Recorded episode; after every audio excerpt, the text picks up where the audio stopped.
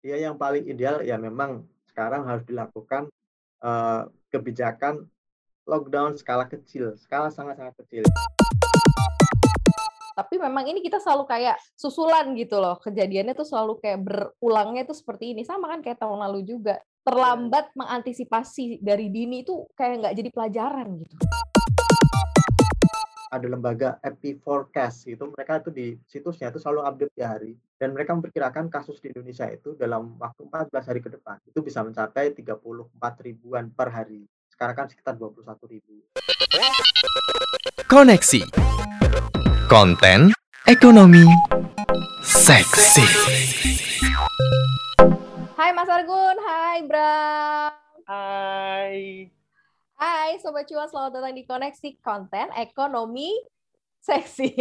Dijawab kali. Konten Ekonomi Seksi. Koneksi. Konten Ekonomi Seksi. Koneksi. Setiap hari Rabu ya, kita nggak mau absen juga sih di dunia percuanan ini, makanya selalu mau menemani Sobat Cuan untuk kita ngobrol-ngobrol. Walaupun hari ini kita uh, tidak bersama-sama, tapi kita ketemu dengan teknologi yang ada ya, oke okay lah ya. Gimana nih kondisi di sana nih kayak kalau kalau kalau Mas Argun kayak ada di kantor nih Gimana kondisi di sana nih, Mas? Ya, sekarang kan sudah mulai harus banyak WFH, 75% WFH. Jadi ya yang tim TV saja. Kalau TV kan nggak bisa ditinggal, harus ada yang standby di studio gitu. Siaran kalau tim online udah sama sekali nggak ada di kantor, udah kerja di rumah. Jadi emang ya sepi tapi ya demi ya. keselamatan yeah. bersama ya kan. Itu Dan dia. demi cuan nah, yang harus tetap berjalan ya Mas Argun. Ya? Ah, itu dia benar setuju nah yeah. kalau lu kan kalau lu kan Bram nah hari ini nih nah. spesial seperti biasa kan koneksi ada Maria Karina ada Arif Gunawan Head of Research Indonesia dan selalu plus ada anchor CNBC Indonesia dan kali ini bersama dengan Bramudia Prabowo sorry tadi belum dikenalin Hai Bram Hai semuanya sobat cuan Kamaria dan Mas Argun ya lo bisa cerita nggak sih kan lo juga warawiri nih kantor rumah kantor hmm. rumah itu suasananya kayak gimana sih kalau sekarang karena memang udah santer banget nih ya lonjakan COVID beritanya mm -hmm. kan udah kenceng banget.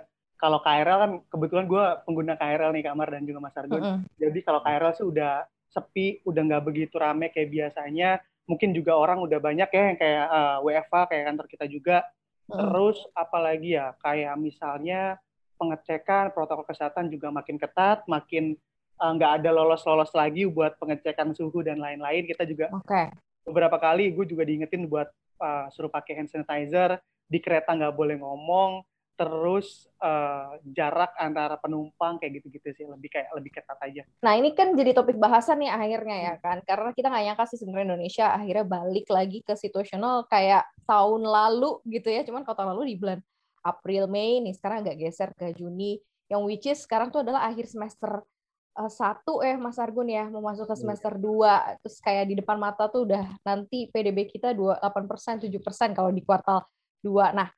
Kalau ini agak-agak cukup mengganggu nggak sih hal-hal kayak gini gitu dengan stabilitas ya. mimpi-mimpi pemerintah itu? Sejak awal tuh ketika Pak Jokowi bilang uh, bulan April kalau nggak salah ya target uh, pertumbuhan ekonomi kuartal 2 itu bisa tujuh persen. Kemudian Sri Mulyani nambahin lebih optimistis lagi bisa 8 persen. Saat itu saya sudah uh, sanksi gitu. Hmm. Karena memang COVID ini pandemi yang belum sepenuhnya terduga gitu. Kita ter terus menemukan ada varian baru, varian baru yang lebih me membahayakan gitu dari sisi penyebaran ataupun dari sisi komplikasi gitu. Misalnya dulu pernah di Afrika Selatan, terbaru di India.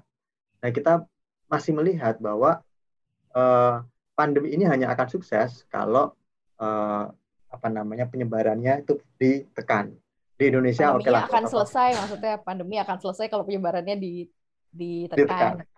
Oh, yeah. jangan sukses Mas, pandemi sukses gue Iya, iya. Terus, terus, terus. Iya.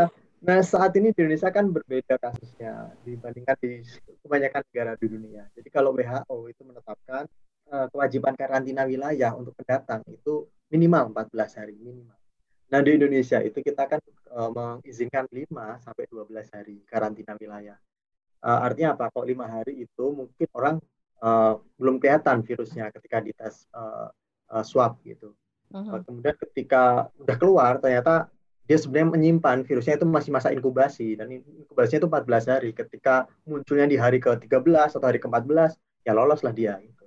Uh, inilah yang membuat Indonesia itu sangat rentan kita akan kena virus-virus hmm. COVID yang hmm. impor gitu. Kasus-kasus di dalam negeri taruhlah terkendali misalnya, sudah tidak ada lagi penyebaran baru misalnya, tetapi selama di perbatasan uh, tempat warga asing masuk, bandara, pelabuhan internasional, selama itu masih uh, longgar dari sisi karantina, saya kok sejak awal itu sudah sanksi bahwa kita masih bisa mencapai pertumbuhan yang sangat tinggi ekonomi, pertumbuhan ekonomi 8%, 7%, ya karena akan ada risiko uh, lockdown dalam tanda kutip ya pembatasan-pembatasan hmm. aktivitas masyarakat. Dan kalau aktivitas masyarakat dibatasi ya konsumsi akan turun dan konsumsi di Indonesia tuh kontribusinya kan udah 53 persenan gitu ke perekonomian. Kalau itu udah terjadi ya uh, pembatasan terjadi ya otomatis konsumsi tertekan, uh, separuh dari mesin pertumbuhan ekonomi kita juga akan uh, terganggu. Maka target 7 persen, 8 persen pun akan sangat-sangat uh, muluk-muluk gitu. Dan sekarang kan walaupun walaupun kejadiannya walaupun kejadian sekarang ini ppkm super ketat mikro atau misal lockdown ini di ujung-ujung gitu tetap nggak ngaruh ya. Maksudnya ini akan tetap mengganggu uh, angka 7-8 persen, walaupun sebagian kan mungkin udah kemarin udah terhitung lah mungkin yang beberapa bulan itu, Mas. Ya, mungkin uh, kita akan menghadapi misalnya ada skenario terburuk, uh, lockdown dilakukan atau PPKM versi apa, versi apa nih, darurat yang terbaru. Itu mungkin diberlakukan, mungkin kita akan melihatnya terjadi pada bulan Juli. Jadi sudah keluar dari perhitungan kuartal 2 ya, udah masuk ke kuartal 3 tapi kuartal dua sendiri pun kita uh, masih melihat sinyal-sinyal pemulihan itu ada kelihatan. Tetapi di sisi lain juga belum ada uh, pembe apa namanya pencabutan status PPKM di beberapa pusat-pusat ekonomi. Uh, eh, DKI misalnya PPKM mikro masih terus diperpanjang. Artinya ke kemarin pun sejak awal Juni orang-orang uh, masih memang masih bisa ke restoran, nonton, bioskop, tetapi kan dengan pembatasan 50%. Dan kalau masih ada pembatasan itu, otomatis uh, kita belum bisa membuka secara optimal uh, potensi uh, pertumbuhan ekonomi yang ada gitu. Kalaupun ada pertumbuhan mungkin ya taruhlah pari palsu ya hanya diperbolehkan beraktivitas 50% dari biasanya ya mesin ekonomi kita mungkin hanya tumbuh 50% dari biasanya gitu. Dan harus diingat juga bahwa sektor manufaktur belum beroperasi secara penuh karena mereka akan beroperasi penuh kalau uh, diperkirakan sudah ada pemulihan ekonomi atau, atau aktivitas normal di masyarakat. Dan selama kuartal uh, satu, mereka itu pelaku usaha belum uh, melakukan apa istilahnya ancang-ancang beli bahan baku lebih banyak misalnya, kemudian menyiapkan uh, apa namanya penambahan jam kerja untuk meningkatkan produksi untuk mengantisipasi nanti permintaan ketika uh, ppkm dihapuskan misalnya. Dan itu kan belum kejadian di kuartal dua. Jadi hmm. kayaknya kok kita masih akan melihat pertumbuhan ekonomi ya tidak setinggi perkiraan pemerintah, tetapi masuk ke teritori positif sudah tidak lagi terkontraksi. Kuartal 2 mungkin sudah tidak terkontraksi, tetapi ya eh, kenaikannya mungkin nggak akan sampai eh, tujuh persen. Saya pikirkan paling optimistis kok mungkin bisa hanya empat persen gitu. Oke. Empat persen juga udah bagus ya. Itu iya kan, Bram? Nih, uh, tapi beberapa waktu lalu gitu ya kita juga sempat dengar uh, statement dari ekonomi Indef Bima Yudhistira yang bilang katanya sebenarnya lockdown itu uh, dampaknya nggak parah-parah banget sih de- dibandingkan dengan ppkm Tahun ataupun lalu. pemerintah yang kiranya memang kayaknya agak gamang gitu. ppkm uh, ketat, longgar, ketat, longgar itu kayaknya lebih uh, dampaknya lebih luar biasa dibandingkan kita lockdown sekalian deh. Nah ini kalau menurut Kamaria sama Mas Argun gitu apakah emang sebenarnya kita harus Mas Argun aja? Oh, Oke. Okay. Silakan Mas. Kalau lockdown itu memang tergantung pada besarannya. Jadi lockdown kan istilah lain dari karantina wilayah. Uh -uh. Di aturan undang-undang uh, uh, apa namanya karantina wilayah yang di Indonesia kan sudah disahkan di zamannya Pak Jokowi tahun 2016 kalau nggak salah itu sudah memungkinkan kita melakukan lockdown di tadi karantina wilayah, tetapi dengan kewajiban pemerintah menanggung biaya makan, makan doang ya, biaya makan warga yang di lockdown. Misalnya yang di lockdown satu RT misalnya, ya satu RT itu yang ditanggung. Mau lockdownnya 10 hari, lima hari, ya selama lima hari itu harus misalnya ada 30 uh, kepala, hmm. maka ya jatah makan mereka harus dipasok tiap hari. Mereka tidak boleh ke mana-mana selama lockdown berlangsung dan tapi ya itu dipasok kebutuhan hidupnya dan termasuk bahkan kucingnya, anjingnya, uh, hmm. kemudian binatang ternaknya itu juga harus dipasok. Nah itu eh, di undang-undang karantina kesehatan seperti itu di Indonesia. Jadi bukan hanya manusianya tapi juga uh, binatang peliharaan, uh, ternak dan sebagainya.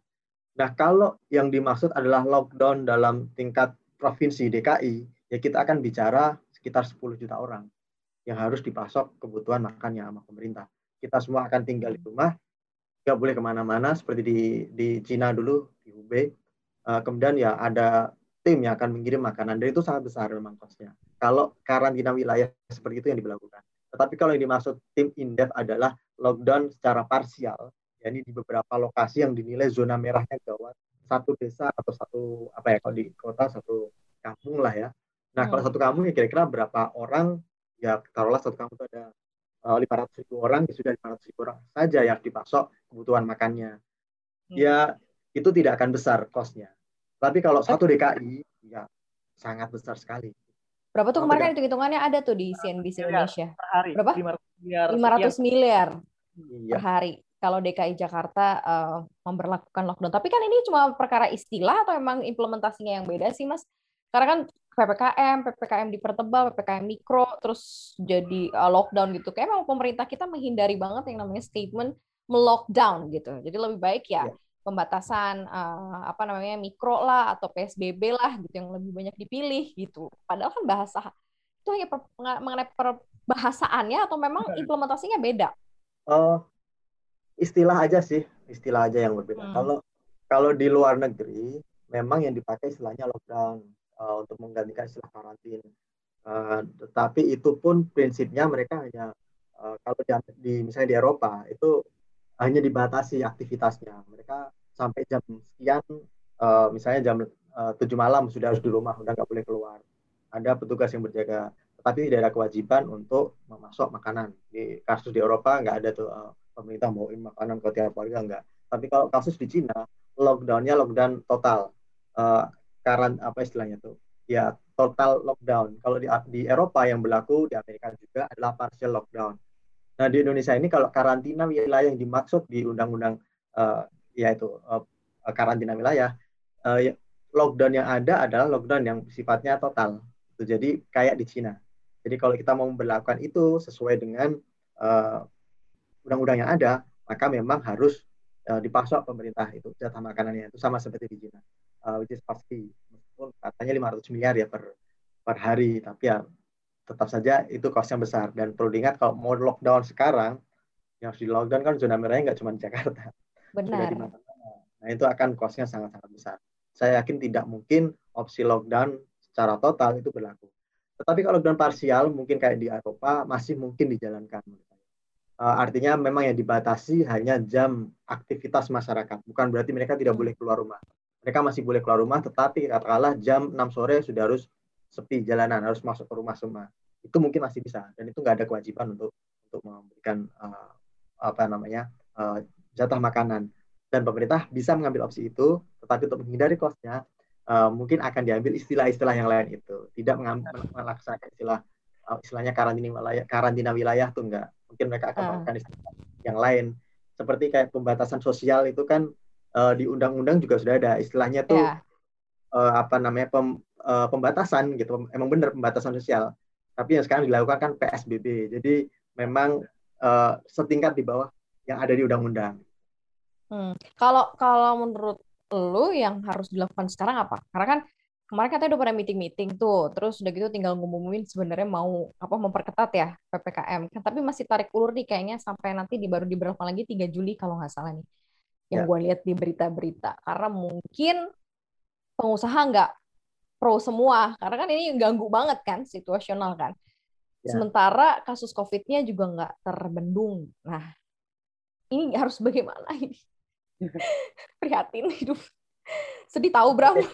Banget banget kak. Parah. Apalagi ini uh, kita tahu banget kan kita aja benar-benar realitanya uh, sektor UMKM itu masih jadi penyumbang PDB terbesar. Nah, uh, uh. sedangkan uh, mungkin Mas Argun dan kamarnya juga ada baca diskon listriknya mau udahan nih bulan Juli.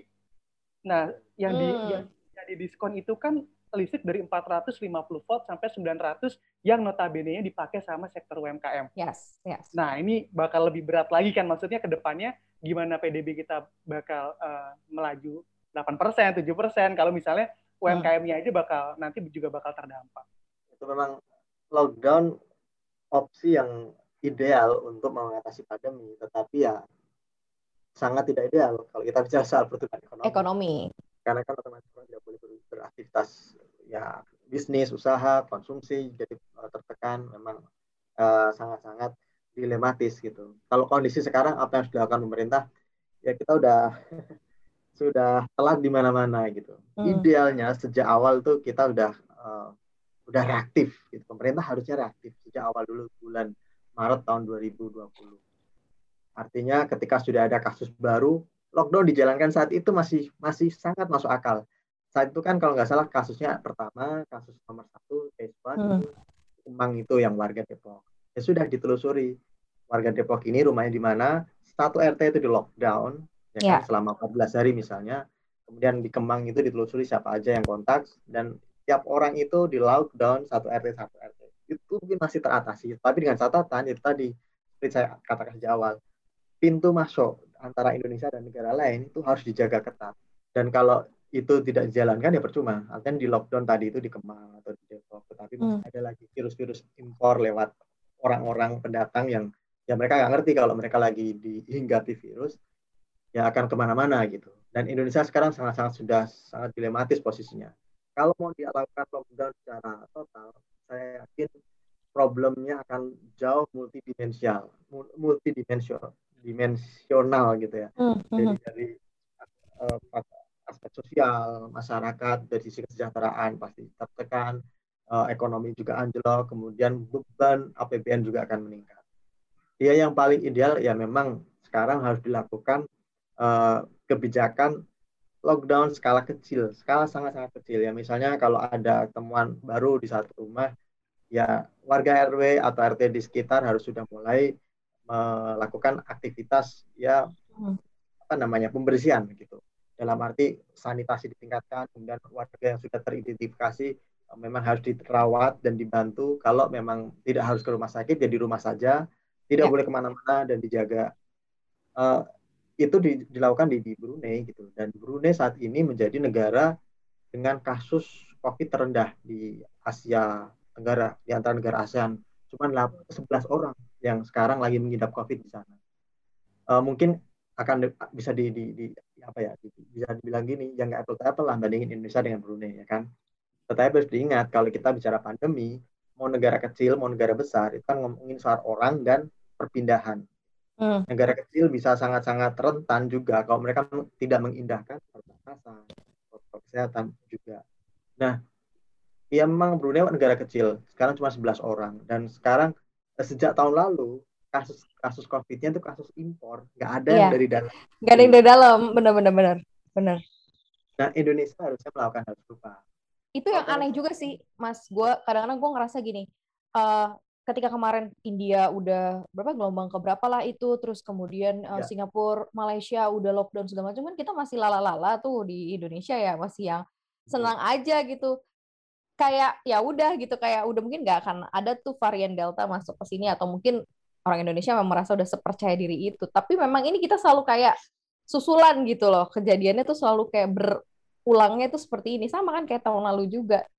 Terlambat mengantisipasi dari dini itu kayak nggak jadi pelajaran gitu. Betul sekali. Makanya seharusnya ya kayak Bram saya Maria harus supaya responsif gitu. Kalau ada gejala flu udahlah nggak usah uh, nunggu swab langsung karantina sendiri kuat hmm. imunitas sendiri gitu. Ya karena memang ya daripada kita harus nunggu kondisi memburuk harus nunggu swab dulu uh, ya apa namanya ada jeda waktu yang window of period yang bisa bikin kita semakin drop gitu ya mending sekarang kalau ada gejala flu dikit ya sudahlah asumsikan asumsikan saja mungkin ini covid tapi bukan berarti COVID, akhir dari segalanya gitu ya hmm. ya langsung aja beli vitaminnya lebih banyak jaga kesehatan kemudian jaga jarak dengan orang kalau kita mau beli obat dan sebagainya ya, ya, ya. diperhatikan dari si masyarakatnya. Iya, ini mungkin Bram bisa cerita nih, karena kan dia juga penyintas nih, Mas Argun, oh, iya. dan dia juga tahu kan, maksudnya lo ngerasa apa sih gitu, dan apa yang harus menjadi awarenessnya orang agar tadi yang dikatakan Mas Argun, uh, penanganan dari dininya tuh kerasa gitu. Apakah pada waktu itu lo juga merasa bahwa jangan-jangan gue kena COVID, atau memang karena waktu itu ada satu yang positif, akhirnya lo tertrigger untuk akhirnya tes gitu. Kalau nggak ada mungkin lu juga nggak akan melakukan testing. Benar. Pertama emang kalau kita pikir eh, pikir-pikir gitu ya kondisi kita karena kita orang Indonesia kan suka banget kayak menebak-nebak ah gue nggak apa-apa atau mm -mm. yang doang nih nah kayak gitu. Mm -mm. Nah, menurut uh, menurut aku juga kalau misalnya di masa kayak covid kayak gini kayaknya udah nggak bisa dipakai itu. Jadi kayak kita selalu menebak-nebak diri kita kayak gimana. Mau nggak mau biar yakin ya kita uh, tes antigen sekarang ya. Mungkin harganya juga udah makin murah gitu kan tes antigen uh -uh. positif. Andai misalnya memang nggak ada biaya buat PCR bener kata Mas Argun tadi ya udah kita langsung beli vitamin aja terus kita langsung isolasi mandiri biar nggak ada interaksi lagi sama orang untuk gejalanya karena memang setiap orang tuh beda-beda. Kayak misalnya gue waktu itu uh, dapat demamnya. Terus orang bilang nanti anosmia. Sedangkan gue sendiri anosmia itu baru dapat hari ke 5 ke 6 baru dapat anosmia. Jadi kalau misalnya hmm. kita sampai nunggu gejala anosmianya udah berapa orang gitu yang interaksi sama kita itu kan makin bahaya. Jadi ya udah kalau misalnya udah antigen udah jelas positif ataupun reaktif langsung isoman aja. Hmm, kayak Emang gitu. harus, harus responsif jangan yeah. ya menggampangkan gitu. Termasuk dari pemerintah juga gitu. Dalam arti sekarang oke okay lah sudah ada kesalahan lagi ya ini uh, kita gagal untuk mengatur perbatasan sampai ada varian delta yang masuk. Tapi harus diingat masih adalah varian varian baru yang muncul di luar sana dan ini harus dicegah gitu. Karantina wilayah 14 hari saya pikir wajib dijalankan. Dan pemerintah apa sih kosnya melakukan uh, pem, uh, apa namanya aturan yang tegas seperti itu. Toh kalaupun uh, mereka masuk dan harus dibiayai penegara, taruh aja di wisma atlet misalnya atau di beberapa wisma haji misalnya yang sekarang nggak dipakai kan nggak ada haji nih hmm. dipakai hmm. untuk uh, untuk mengkarantina para pendatang. Thailand dan Vietnam melakukan hal serupa. Di Vietnam lebih, lebih parah lagi, jadi ada ditaruh di rumah kayak warga, hanya ada kipas angin, ya sudah gitu, nggak ada AC-AC-an, bukan seperti hmm. hotel. Ya itu harus di, di harga harus dibayar kalau Anda mau bepergian di kala pandemi. Makanya di Indonesia harusnya juga memperlakukan hal yang sama. Penting apa sih harus datang ke Indonesia misalnya? Kalau emang ya. harus penting, ya karantina wilayah. Kalau perlu ditanggung uh, negara karena penting sekali ini orang untuk datang untuk bisnis misalnya menggolkan uh, apa namanya deal satu triliun rupiah misalnya, ya sudah nggak apa-apa. Uh, tanggung aja sama pemerintah, nggak masalah. Tapi, Tapi kita penting, kita masih berada di keribetan itu Singapura udah mau memperlakukan virus corona kayak endemi gitu, maksudnya kayak flu biasa katanya masuk Singapura nggak perlu karantina gitu-gitu. Nah itu kan kayak dua, oh, itu tetanggaan doang loh mas. Kan bedanya cuma berapa banyak sih? Dan apakah pemerintah kita juga bakal kayak gitu karena udah ya udahlah. Janganlah coy, coy jangan meledak bisa. Gimana Mas Argut? Rawan, kalau Indonesia rawan. Oh, ada ada perbedaan besar antara Singapura dan Indonesia dari sisi perawatan ya kalau kita bicara rasio bed bed rumah sakit termasuk rumah sakit dengan warganya itu kan kita termasuk yang rendah sama seperti Myanmar saya pernah sempat bikin uh, ulasan soal itu juga uh, kalau dibandingkan Singapura ya jauh ke mana-mana artinya gini mungkin ketika Singapura menyatakan ya udahlah nggak usah di di apa namanya dianggap uh, apa namanya perlu karantina dan sebagainya untuk pendatang baru kalaupun nanti ada kasus toh kita bisa menangani kita bisa hmm. memberikan terapi rumah sakitnya masih cukup gitu.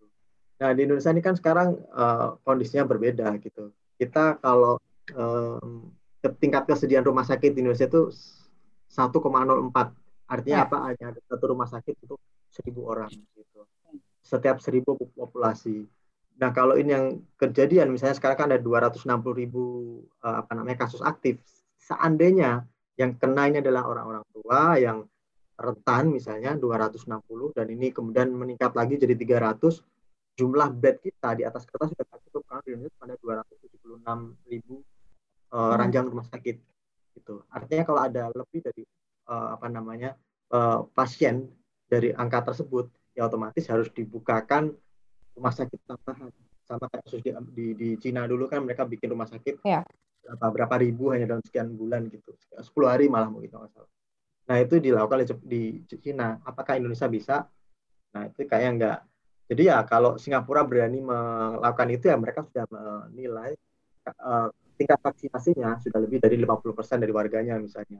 Jadi okay. kalaupun ada virus baru yang masuk sudah bisa ditangani, tidak terlalu uh, apa namanya gejalanya tidak terlalu berat sehingga tidak membebani sistem kesehatan di sana.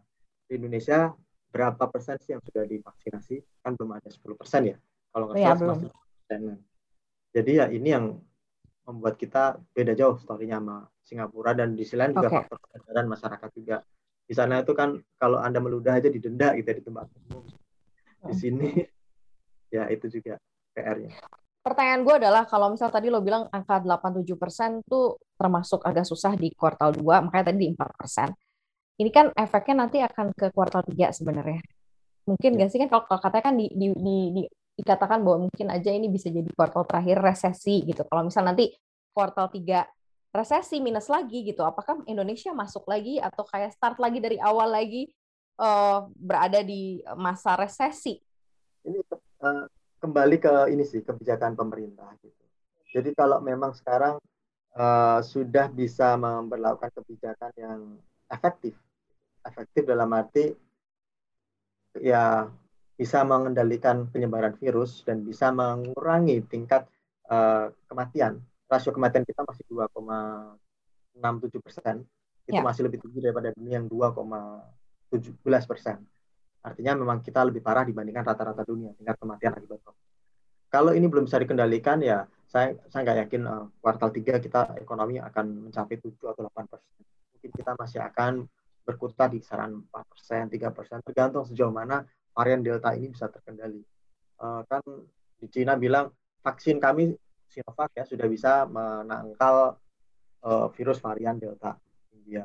Tapi pada kenyataannya kan nakes-nakes kita juga sudah kena, kena. Eh, sudah kena COVID juga sudah divaksin gitu Pak Sinovac. Ya.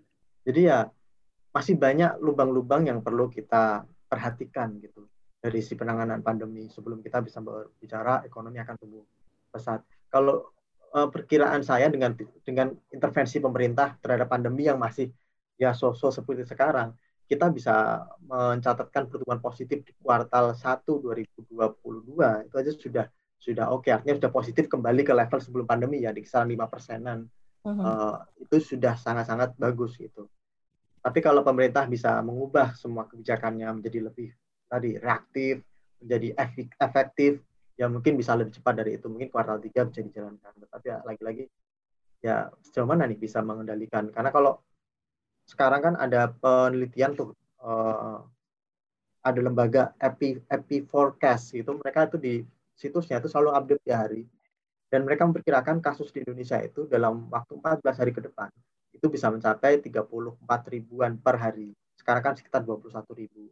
Artinya ya. mereka menilai jika tidak ada perubahan cara pemerintah menangani pandemi maka ini tetap akan meningkat secara eksponensial gitu uh, kasus COVID di, di Indonesia Uh, dan skenario terbaik mereka adalah kalau pemerintah sudah mem mem mengubah kebijakannya menjadi lebih efektif, penyebarannya masih tinggi, masih 21 ribu pada 14 hari ke depan.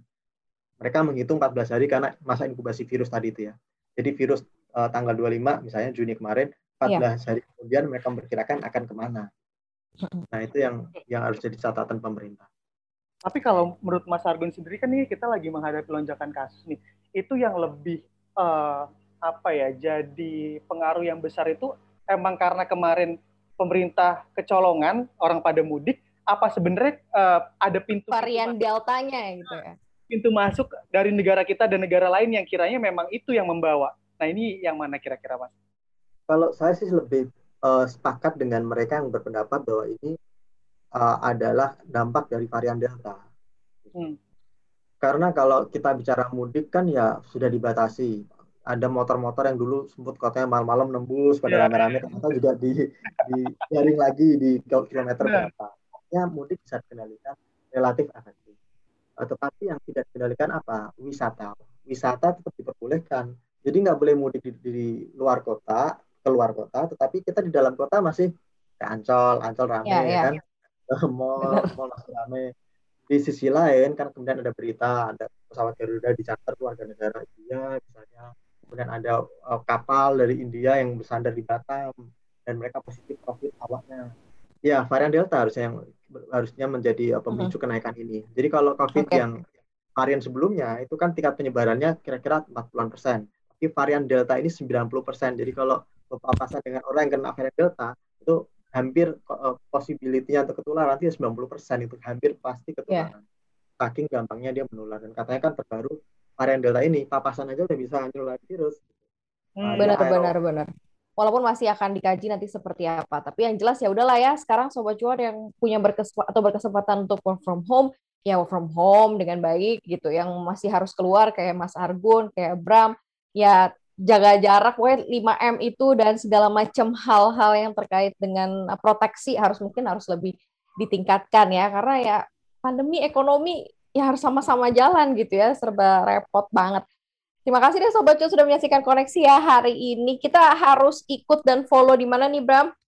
Pokoknya Sobat Cuan nggak nggak cuman bisa didengar di Spotify, juga bisa dengerin di Google Podcast, ada Apple Podcast, YouTube channel, dan yang pasti harus follow Instagram at cuap underscore cuan. Nah, ini yang paling penting.